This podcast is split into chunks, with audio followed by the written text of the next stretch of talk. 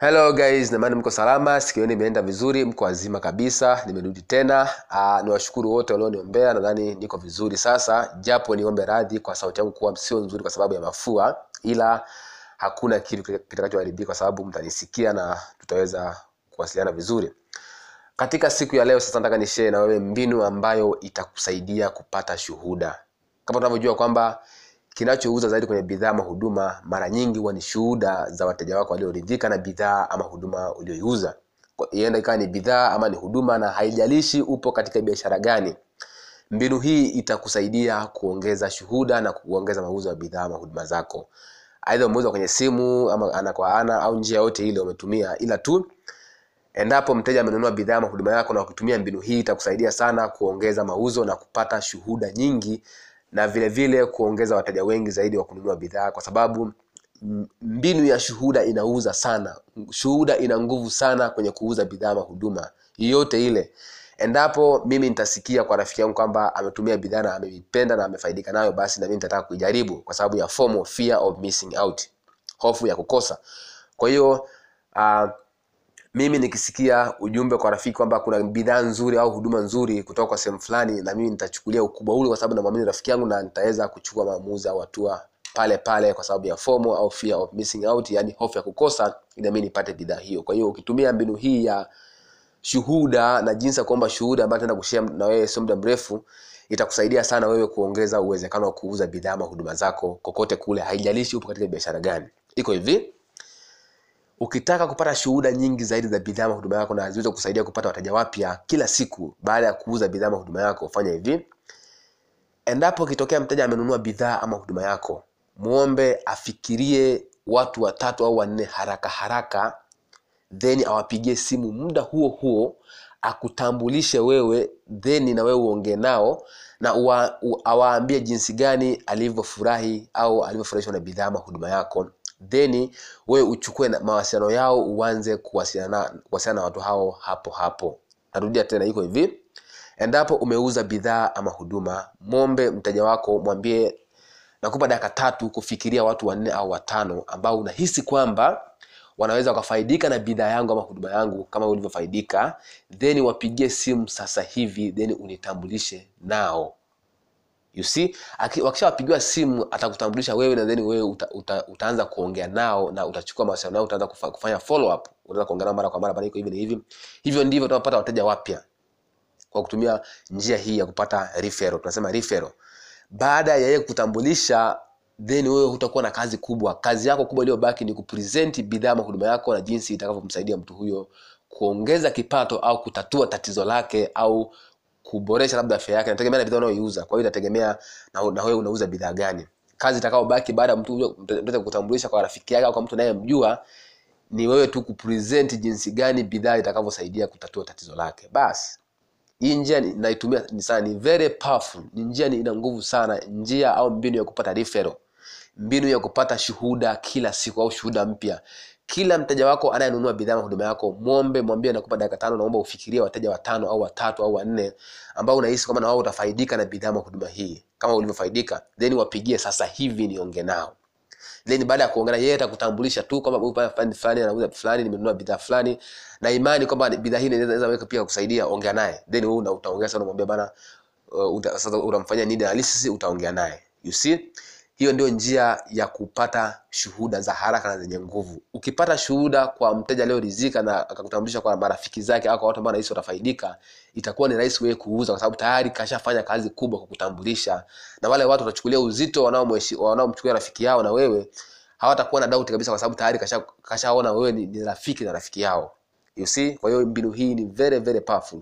Vile vile njia nyingine unaweza kutumia hivi ukawageuza wateja wao kama sehemu ya partnership ukamwambia bana mimi ukishanunua bidhaa yangu ukinileta wateja wanne au watano au watatu bidhaa hii au bidhaa nyingine nitakufanyia discount ya kiasi fulani. Yaani unawafanya wateja wako kuwa kama affiliate au kuwa kama partnership kwenye biashara yako kwa kuleta wateja wapya. Akileta wateja wapya unampa discount ya bei ya bidhaa au unampa kitu fulani ambacho akina akina sana sana hasara kwako. You see? Kwa hiyo ni mbinu ambayo itakusaidia sana kuongeza wateja wapya kila siku. Wageuze wateja wako kama sehemu ya partnership au kama sehemu ya ya ya, ya, ya channel ya biashara yako kwa kuletea wateja wapya then unawapa unawapa labda motisha fulani labda unapunguzia bei you see au kitu chochote kile ambacho kitawafanya wao wafurahi. Kwa hiyo mbinu hii itakusaidia sana wewe kuongeza wateja kila siku. Kwa hiyo wageuze wateja wako waliopo kama sehemu ya, wa, ya, ya partnership au kama sehemu ya wajumbe wako wa kukuletea wateja wapya kila siku kwa kuwapa ofa ya kitu fulani au punguzo la bei la bidhaa yako kila wanapomleta mteja mpya itakusaidia sana. Na vile vile mbinu hii ambayo nimekwambia mteja akinunua bidhaa au huduma yako mwambie hapo hapo afikiria wateja watano au sita au saba inategemea na, na idadi utakavyomwambia then awapigie muda huo huo na akutambulishe nao. Na awaambie jinsi gani bidhaa yako ilivyokuwa nzuri na jinsi alivyoipenda then wewe kazi iliyobaki wewe ni kufunga tu mauzo na kuwaelezea jinsi bidhaa itakavyotatua tatizo. Basi ndio kazi iliyobaki. Kwa hiyo mbinu hii ni mbinu ambayo iko very powerful kuongeza wateja wapya inaitwa referral recommendations. Yani unawatumia una, una wateja wako wapya kukupatia wateja wapya.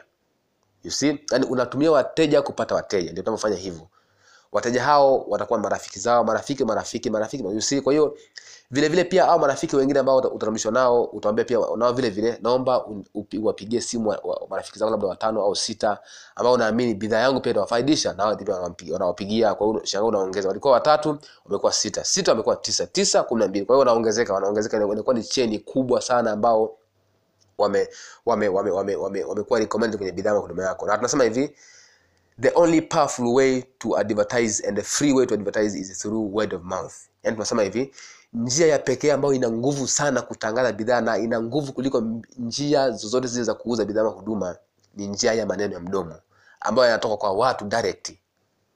You see ukisikia bana bidhaa fulani nzuri sana nenda kajaribu utapata power ya kwenda kujaribu kwa sababu ya FOMO tunasema fear of missing out hofu ya kukosa. Kwa sababu ukisikia kitu kutoka kwa mtu direct ni, ni rahisi kuamini kuliko kusikia kwenye tangazo kwa hiyo maneno au njia ya mdomo ni njia ambayo ni very powerful. Ni njia ya kutangaza ambao watu wengi wanaitumia sana. Ndio maana rumors za rumors za kwenye mdomo zinasambaa kuliko kwenye matangazo. Kwa sababu watu wanawahi kuamini maneno ya kuambiwa kuliko kusikia kwenye tangazo. Kwa hiyo tumia sana watu kutangazia bidhaa kutumia na njia ni bure kabisa see. Ulipe hata shilingi kumi. Lakini unamwomba mteja wako kukutajia watu watatu wanne ambao anahisi anaweza wanaweza wakafaidika na bidhaa huduma yako then ana- anawapigia hapo hapo anakutambulisha na then kazi imeisha Una- unafanyia follow up unauza bidhaa yako. Kwa hiyo ni kazi rahisi sana. Kwa hiyo jitahidi sana kutumia mbinu hii itakusaidia sana. Kwa hiyo na vile vile tumia mbinu ya kuwageuza wateja wako kama sehemu ya sehemu ya, ya affiliate. Yani unawapa una, una kama sehemu ya partnership ya biashara yako kwamba ukileta wateja fulani bana utapata nitakupa ofa ya kitu fulani you see kwa hiyo itakusaidia sana kuongeza wateja kila siku. Itakusaidia sana kuongeza wateja kila siku. Watu wanajuana na watu wengi sana. Ukitumia watu network za watu utapata wateja wengi mno. You see kwa hiyo upo kwenye biashara ya watu. Sio biashara ya bidhaa mahuduma tumia watu kutangaza bidhaa mahuduma yako ili kuuza zaidi. Watumie wale watu. Kuna watu wanajuana na watu wengi sana. Na unaweza ukashangaa kupitia network yao na ukafaidika kwa sababu tu umeomba shuhuda za shuhuda zao kwa marafiki zao. Kwa hiyo itakusaidia sana.